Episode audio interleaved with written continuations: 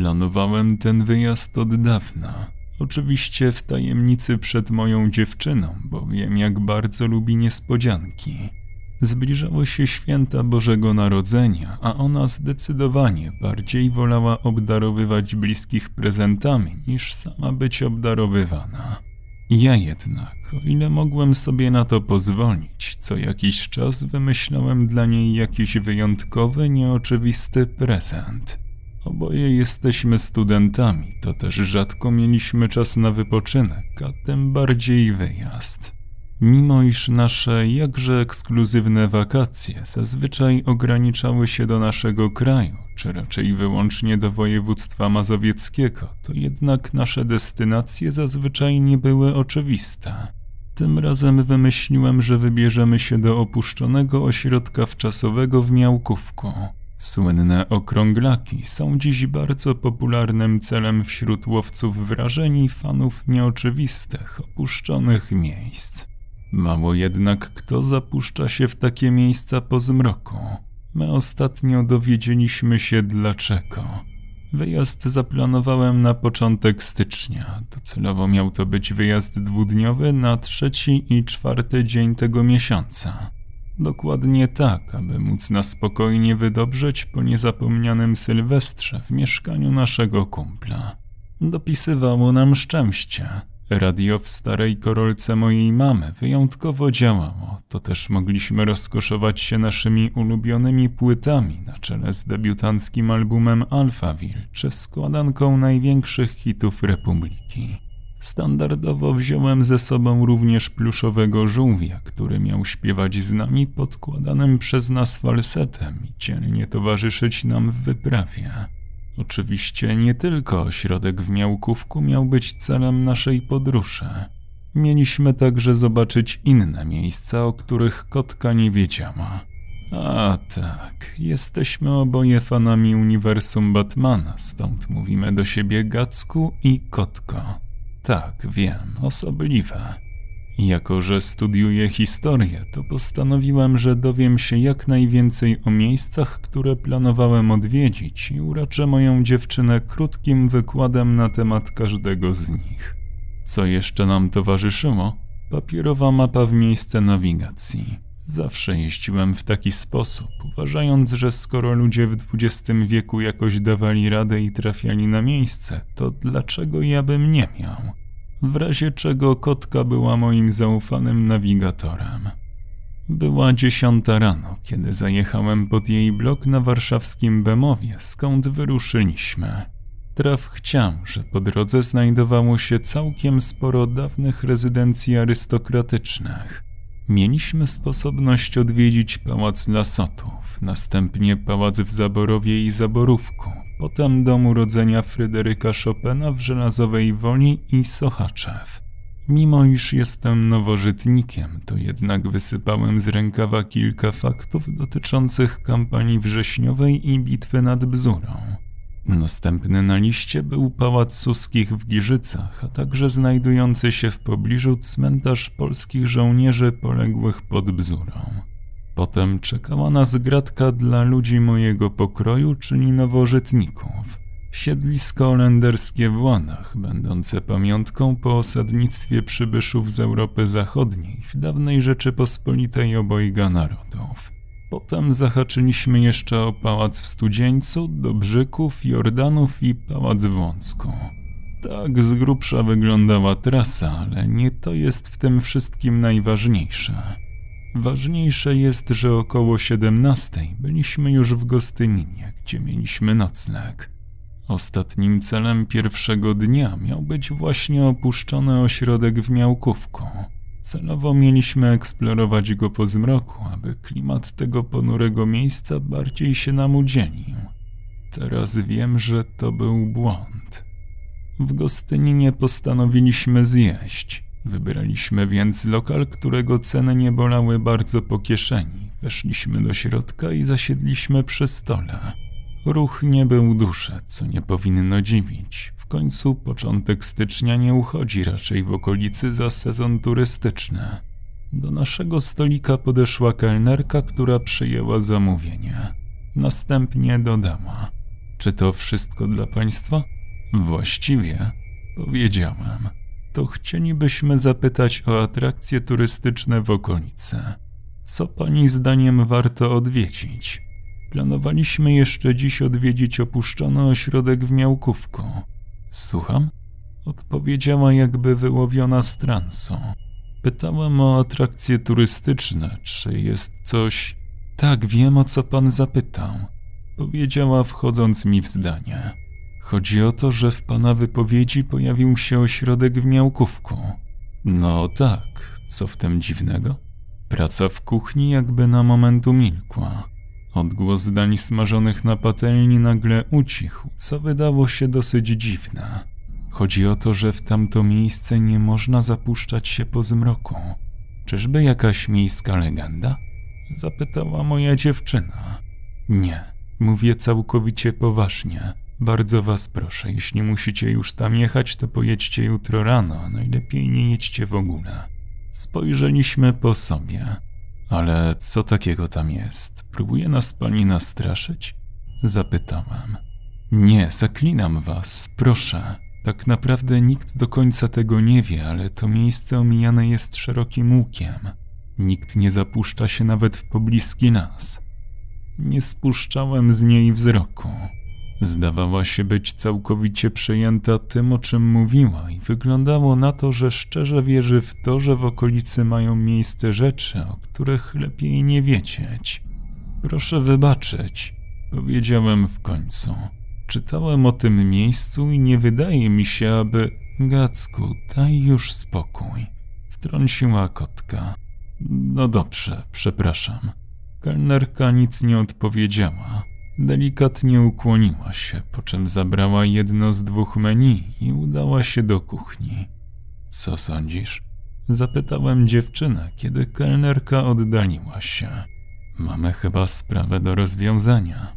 Sama nie wiem, tak myślałam, że chcesz mnie tam zabrać, w końcu jesteśmy w pobliżu. No właśnie, pamiętam, że bardzo chciałaś tam jechać, a teraz jeszcze pojawia się nam tajemnicza nutka grosa. Nie wiem jak ty, ale ja w to wchodzę. Też jestem ciekawa. Poza tym nastawiłam się już. W razie czego jestem przy topie. Poza tym, cokolwiek by to nie było, damy sobie radę, skoro radzimy sobie z największymi zbirami w Gotham. Musisz zawsze być takim nerdem? Nie muszę, ale mogę. Rozmawialiśmy dalej w oczekiwaniu na ciepły posiłek. W końcu przyniosła go nam ta sama kelnerka. Wydawało mi się, że stara się unikać bezpośredniego kontaktu wzrokowego. Życzyła nam jedynie smacznego. Zostawiliśmy napiwek i stwierdziliśmy, że nic tu po nas. Postanowiliśmy pojechać prosto do opuszczonego ośrodka wypoczynkowego. Droga była bardzo klimatyczna. W większości z obu stron towarzyszył nam las, co jedynie dodawało nuty grosa końcu dotarliśmy do Lucienia, skąd należało już tylko skręcić w lewo. Pojawił się jednak istotny problem. Gdzie jest ta droga? Widzisz ją? Zapytałem. Powinna gdzieś tutaj być. Jest raczej podrzędna, dlatego nie ma jej na twojej mapie. Krążyliśmy tak chwilę, aż dotarliśmy do znaku obwieszczającego, że opuszczamy Lucień. Niemożliwe, stwierdziłem. Najwyżej użyjemy nawigacji w telefonie, odpowiedziała kotka. Wykluczone. Cieszmy się XX wiekiem, papierową mapą i talentem Grzegorza Ciechowskiego. Powiedziałem wskazując na radio. Musisz być taki uparty? Ech, no dobra. Odpowiedziałem zirytowany. Sprawdź w telefonie. E, nie ma zasięgu. No to pięknie. W dodatku ciemno tu jak w dupie. Szkoda, że gminę nie stać na latarnie uliczne. Zawróciłam autem w drugą stronę. Co robisz? Wracam tam. Ta droga musi gdzieś tam być. A co jeśli to ostrzeżenie? Nie rozśmieszaj mnie. Klimat jest, nie powiem, ale chyba nie bierzesz tego na poważnie. Ale sam widziałeś zachowanie ludzi w tym barze. A skąd wiesz, skąd oni się urwali? Nie znasz ich. Po chwili w miejscu, gdzie wcześniej była wysoka trawa, zauważyliśmy gruntową drogę. Jak to się tutaj znalazło? Nie czekając na odpowiedź, skręciłem w prawo na zachód. Kotko, posłuchaj. Zacząłem. Gostynin to nie Bystrzyca, ośrodek w Miałkówku to nie zamek Drakuni. To powiedziawszy, zauważyłem, że lekka mgła, która nas otaczała, zaczęła w bardzo szybkim tempie gęstnieć. A to co? Spokojnie, po prawej stronie jest jezioro Lucieńskie, to pewnie dlatego jest taka mgła. Widać je stąd, zobacz. Mimo iż mgła była bardzo gęsta, to w dziwny sposób tafla jeziora była bardzo dobrze widoczna. Dało się dostrzec krystalicznie czystą, pierwotną wodę, nieskażoną przez człowieka. Dojeżdżaliśmy do zakrętu, obok którego znajdował się ośrodek. Dochodziła dziewiętnasta, wokół nie było żywego ducha. Mgła jakby odrobinę przyrzedniała. Zaparkowałem samochód na poboczu. Grunt był śliski i grząski. Przypominało to o niedawnych roztopach. To co, ruszamy? Zagaiłem. Chyba tak. Szliśmy obok siebie w ponurej gęstwinie, którą przekrajała jedynie skromna droga gruntowa. Wokół panowała cisza, brunatny krajobraz pobliskich gleb przywodził na myśl spokój. Przeszliśmy kawałek i wtedy ujrzeliśmy je po raz pierwszy. Cztery imponujące betonowe kolosy znajdowały się na wyciągnięcie ręki. Niewiele myśląc, zapomnieliśmy o niedawnych obawach i ruszyliśmy ku przygodzie. Zaczęliśmy od znajdującego się najbliżej trzypiętrowego budynku. Wiedzieliśmy, że kompleks posiada liczne pokoje, nieczynną halę sportową, a nawet basen. Chcieliśmy w miarę możliwości zobaczyć jak najwięcej. Przeczesać ośrodek od piwnic aż po dach. Pierwszy budynek był obiecujący. Znaleźliśmy tu kilka ciekawych kwater zajmowanych niegdyś przez wczasowiczów. Czytaliśmy liczne napisy i inskrypcje. Od nasprajowanych wisielców po rozrysowane tu i ówdzie pentagramy, mające na celu przestraszyć potencjalnych śmiałków. Mieliśmy ze sobą latarki, to też wszechogarniająca nas ciemność nie była jakąś istotną przeszkodą. Gorsze były walające się wszędzie śmieci, jednak i te dało się obejść.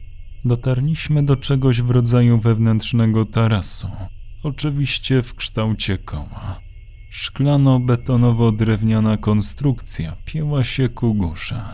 Pomyśleć, że w momencie powstania ten ośrodek uchodził za bardzo nowoczesny. Powiedziałem na głos. Dalszej wędrówce towarzyszyły kiczowate tapety przypominające winorośl, które ktoś łaskawie raczył częściowo oberwać ze ściany, a także przeróżne odgłosy wydobywające się spod naszych butów, w zależności od tego, na co akurat nadepnęliśmy. Zwiedzaliśmy kolejne piętra, pnąc się ku górze. Ku naszemu zdziwieniu nie spotkaliśmy ani żadnego bezdomnego, ani nawet grasującej w zgliszczach myszy. Piętra były do siebie podobne. Układ przestrzenny i wymiary pomieszczeń raczej nie różniły się. Wyjątki stanowiły tylko przedmioty znajdujące się w poszczególnych miejscach, a także inskrypcje naścienne pozostawione tutaj przez poprzednich poszukiwaczy przygód. Nie wszystkie budynki były bardzo zniszczone. Wszystkie jednak cechowała rdza i fakt, że wyblakłe. Meble były dla nas urzekające. Wyjęte z samego środka PRL-u. W końcu ją ujrzeliśmy. Wąska metalowa drabinka prowadziła do wejścia na dach. Włas na szczycie drabiny wydawał się zamknięty, jednak po szybkich oględzinach okazało się, że można go otworzyć. Weszliśmy na dach. Naszym oczom ukazało się wystające spośród mgły jezioro Lucieńskie, a także całość terenu należąca do ośrodka. Dało się rozpoznać boiska sportowe, jak również teren mający służyć jako miejsce na grilla. Obecnie jednak obszar ten był zaniedbany i porośnięty roślinnością. Delikatny powiew zimnego wiatru odznaczył się na naszych twarzach trzeźwością powietrza dobiegającego z nad jeziora. Na moment zapomnieliśmy o zapachu stęchlizny wydobywającego się z pomieszczeń pod nami. Chcesz tak obejść wszystkie budynki? Zapytała kotka. Tak, o tym myślałem. Zatrzymałem się i spojrzałem w jej stronę, po czym powiedziałem: Dzięki, że jesteś tu ze mną. To ja dziękuję za fajny pomysł na wyjazd. Chwyciłem ją w talii i złożyłem pocałunek na jej ustach, który odwzajemniła. Kocham cię, Kacku. Kocham cię, kotko. Zeszliśmy z powrotem na dół, aby eksplorować resztę budynków. Przed nami stał kolejny trzypiętrowy budynek. Schemat się powtórzył. Po zwiedzeniu niemal bliźniaczych pomieszczeń ponownie udaliśmy się na dach. Tak jak poprzednio, prowadziła tam wąska metalowa drabina i włas na jej szczycie. Wdrapaliśmy się tam i ponownie spojrzeliśmy na okoliczną panoramę. Po artystycznym opisie krajobrazu i chwili zadumy odwróciliśmy się, aby zejść z dachu. I wtedy to się wydarzyło. Właśnie wtedy go zobaczyliśmy, w tym samym momencie. Pojawił się tam tak niespodziewanie, jak gdyby został umieszczony przez mgłę. Był jednak całkowicie prawdziwy i nie wyglądał, jakby miał rozpłynąć się w powietrzu. Na dachu jednego z czterech okrągłych budynków opuszczonego ośrodka wypoczynkowego w Miałkówku oprócz nas stał ktoś jeszcze. Był to wysoki mężczyzna, bardzo wysoki. Miał zdecydowanie zachwiane proporcje. Mierzył z pewnością grubo ponad dwa metry. Sądząc po jego sylwetce, proporcjach ciała i twarzy, z pewnością był to człowiek, który cierpiał na gigantyzm. Widok ludzkiej postaci w tym miejscu raczej nie należałby do dziwnych. Nawet gdyby ów nieszczęśnik miał uszkodzoną przysadkę mózgową, która w sposób niekontrolowany obdarzyłaby go nadmiernie hormonem wzrostu. Najbardziej przerażające było w tamtej chwili to, że ów przybysz pojawił się tam jak gdyby znikąd. Stał do nas plecami, jednak w pewnym momencie odwrócił się. W świetle księżyca widzieliśmy szczegóły jego twarzy. Choroba zniekształciła jego czoło, nos i w ogóle całą twarz, nadając jej niezwykle podłużny kształt. Jego żuchwa była niezwykle masywna i kanciasta. Zobaczyliśmy jeszcze jeden szczekół. Mężczyzna miał wyraźnie poparzoną połowę twarzy i bielmo w jednym oku. W monstrualnej dłoni trzymał natomiast papierosa. Miał na sobie olbrzymich rozmiarów luźny garnitur, także buty wyglądające na rozmiar 60. W niemym zaskoczeniu analizowaliśmy jego wygląd, kiedy on zrobił coś równie nieoczekiwanego. Spodziewałem się, że coś powie, przywita się czy cokolwiek. Ten jednak puścił się bezwładnie na dół. Zeskoczył z około dwunastometrowego budynku prosto na ziemię. Zaskoczeni podbiegliśmy do krawędzi. Nie ruszał się, leżał twarzą ku ziemi. Co to miało być do cholery? Wrzasnąłem. Nic panu nie jest? Musimy zadzwonić na pogotowie, powiedziała moja dziewczyna. Zrobimy to, zgodziłem się, ale musimy najpierw zejść do niego, sprawdzić, czy żyje i udzielić mu pierwszej pomocy. Jesteś pewien? Tak, dlaczego mam nie być? Trzeba mu pomóc. Ale widziałeś, jak wyglądał, może grozić nam coś z jego strony. Słuchaj, też jestem w szoku, że spotykam w takim miejscu potwora doktora Frankensteina, który postanawia w widowiskowy sposób popełnić samobójstwo, ale nie śmiej się z niego. Przepraszam, to z nerwów. Strasznie mu współczuję. Wyjmij telefon, musimy szybko zbiec na dół. W tym momencie do naszych uszu dobiegł dziwny dźwięk. Przypominał jednocześnie syczenie, a także dziwne skomlenie. W pierwszej chwili nie byliśmy pewni, czy taki odgłos jest w stanie wydać z siebie człowiek, czy może zwierzę. Spójrz! krzyknęła i wskazała na ziemię. Truchło faceta ewidentnie się poruszało. Widzieliśmy to wyraźnie, świecąc na niego latarką z góry. Co to? Wycedziłem. Jego plecy poruszały się coraz bardziej nienaturalnie. Wił się w dziwny sposób. Wyglądało to tak, jakby coś w środku niego żyło i próbowało wydostać się na zewnątrz. Dźwięki przeradzające się teraz w harczenie wyraźnie wydobywały się z jego ciała. Nagle doszło do nas, że coś od środka rozrywa jego grzbiet. Po chwili jego plecy na wysokości odcinka lędźwiowego rozdarła ręka zakończona szponami i cała pokryta krwią. Dziura w plecach powiększała się jeszcze bardziej. Po chwili ujrzeliśmy łeb tego, co wychodziło z ciała. Wydobyło się głośne syknięcie. Co tu się odpierdala? Wykrzyczałem. Uciekajmy stąd. Rzuciła moja dziewczyna. Dokąd? Przecież to coś jest na dole, a my na dachu. Nagle z rozmowy wyrwał nas widok stworzenia, które wypełzło z ciała człowieka chorego na gigantyzm i spojrzało w górę w naszą stronę. Świecenie w jego stronę latarkami było bardzo nieroztropne. To nas znajdzie, musimy coś wymyślić. Jedna droga prowadzi na dół. Możemy zaryzykować i spróbować jakoś to coś ominąć. Może pójdzie drugą stroną tego budynku, sam nie wiem. A skok? Nie widziałaś, co się stało z tym facetem? Stwór wydostał się z ciała olbrzyma. Teraz mogliśmy dostrzec go całego. Był ubrudzony krwią i wnętrznościami. Mimo to spod tego prześwitywała jego niesamowicie biała skóra. Przypominał człowieka skrzyżowanego z bardzo upośledzonym psem. Jego ciało było nienaturalnie powykręcane w wielu miejscach. On tu idzie. Widzę. A włas? Co włas? Możemy zamknąć jakoś ten włas, może się tu nie dostanie. A co dalej?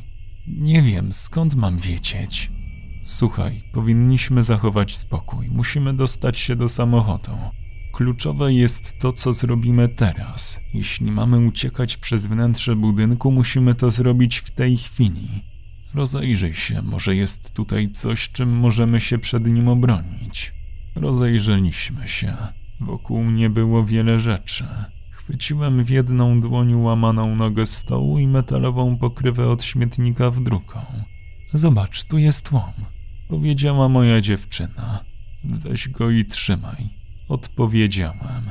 W razie czego nie odkładaj latarki, może oślepimy to coś, sam nie wiem. Co teraz? Westchnąłem. Nasłuchujmy. Z której jest strony? Chyba z naszej lewej. Na którym może być teraz piętrze? Ciężko stwierdzić. Chyba się zbliża. Wiesz co? Schodzenie do niego to chyba nie jest dobry pomysł. Tutaj jesteśmy chociaż jakkolwiek zabezpieczeni. A co jak to padnie nas na dachu? Nie będziemy mieli dokąd uciec. Ech, co tu robić? Nie mieliśmy więcej czasu na zastanawianie się. Stwór wyraźnie był już bardzo blisko nas. Szybko, podaj mi łom. Wykrzyczałem. Co zamierzasz zrobić? Wpuszczę go do nas. Stanąłem za włazem otwierającym wejście na dach. Plan miałem prosty. Uderzyć to coś łomem prosto w łeb. Usłyszeliśmy wspinanie się po metalowej drabince. Po chwili włas został silnie otwarty. Zamachnąłem się i prawie na ślepo bardzo mocno uderzyłem to coś w głowę. Czas na moment stanął w miejscu. Nie żyje? Zapytała kotka. Nie wiem, cokolwiek to jest, to na pewno nie jest człowiek. Dla pewności równie mocno uderzyłem go w głowę jeszcze raz i odsunąłem jego truchło na bok. Przypominał człowieka. Był naki, miał bardzo bladą skórę. Kręgosłup był nienaturalnie wykręcony. Dziwiłem się, w jaki sposób ten stwór w ogóle mógł się poruszać. Szybko, zabierajmy się stąd, dołem przez drabinę. Zeszliśmy na dół i w błyskawicznym tempie ruszyliśmy po schodach. Biegliśmy niemal na oślep w kierunku miejsca, w którym zostawiłem samochód. Po kilku minutach wybiegliśmy poza teren ośrodka z powrotem na gruntową drogę. Samochód był zaledwie 100 metrów od nas. Niewiele myśląc, dobiegłem do samochodu i wyciągnąłem z kieszeni kluczyki. Otworzyłem auto, wsiedliśmy do środka i z piskiem opon odjechaliśmy. Kurwa mać! Krzyknąłem wciąż będąc w szoku. Jesteś cała? Tak, nic mi nie jest. Gnałem co sił po gruntowej drodze. Widziałaś go gdzieś jeszcze, jak biegliśmy do auta? Nie. Okej, okay, bardzo dobrze. Musimy się teraz uspokoić i szybko wrócić do cywilizacji. Zerknąłem w lusterko. Na początku wydawało mi się, że tylko mi się to przywidziało. Zerknąłem więc drugi raz. Jasna cholera. Co się dzieje? To coś za nami biegnie. Wrzuciłem wyższy bieg i nacisnąłem gaz do decha. Stwór poruszał się bardzo szybko, na oko około 70 km na godzinę. Dojechałem do zakrętu, gdzie mijaliśmy jezioro Lucieńskie. Stamtąd była już tylko prosta droga do Lucienia. Stwór był coraz bliżej nas, jednak my szybko zbliżaliśmy się do wsi. Po chwili wyhamowałem przed drogą 573 i skręciłem w prawo w kierunku Gostynina. W tylnym lusterku obserwowaliśmy stwora. Nie wybiegł na drogę, zatrzymał się na jej skraju. Usłyszeliśmy przenikający przez nasze kości głośny, przewlekły ryk. Starałem się opanować. Po kilku minutach miałem już pewność, że nie biegnie za nami. Zwolniłem. Zbliżaliśmy się do Gostynina. Zajechałem pod miejsce naszego nocnego. Byliśmy zbyt roztrzęsieni, aby wyjść z samochodu od razu. Dopiero później udaliśmy się do recepcji. Staraliśmy się, aby recepcjonista nic po nas nie poznał. Po krótkiej rozmowie dał nam klucze do pokoju. Nie spaliśmy, trzymaliśmy warte całą noc. Do dziś nie wiemy, czym dokładnie był ten stwór, ani co właściwie się stało. Rzadko wracamy do tego tematu. Być może wrócimy za jakiś czas w okolice Gostynina, aby przebadać sprawę. To znaczy dopytać się mieszkańców tego miasta, co tak naprawdę się tam dzieje. Na pewno jednak nie wrócimy już nigdy w okolice jeziora Lucieńskiego. Do wszystkich poszukiwaczy mocnych wrażeń pragnę przekazać Wam ostrzeżenie. Nigdy nie zapuszczajcie się w opuszczone miejsca, takie jak opuszczone ośrodki wypoczynkowe po zmroku. Wiem, że tak zwany urbex cieszy się popularnością, jednak niech ta historia będzie dla wszystkich przestrogą. Odradzam wam takie eskapaty. Uważajcie na siebie. Autor opowiadania Artur Góralczyk. Czytał Kwadrates. Osoby wspierające powstawanie nowych treści to Kalusia, Syrenka Ladacznica, Brutal Drop, Sebastian Kron, Gregorikos, Lucky Gusi, Mateusz Z, Wiktor Walczak, Bartek Koziara, Alastor, Wojti 262, Milky Rainbow, Magdalena H, Near Death, Tomasz Kowalewski, Robert Siwek, Krzysztof Kozak-Ślęsak, Stary Trześwe, Invertain, Kamil Olek, I Will Make You Tea oraz Dominik Polak. Do usłyszenia.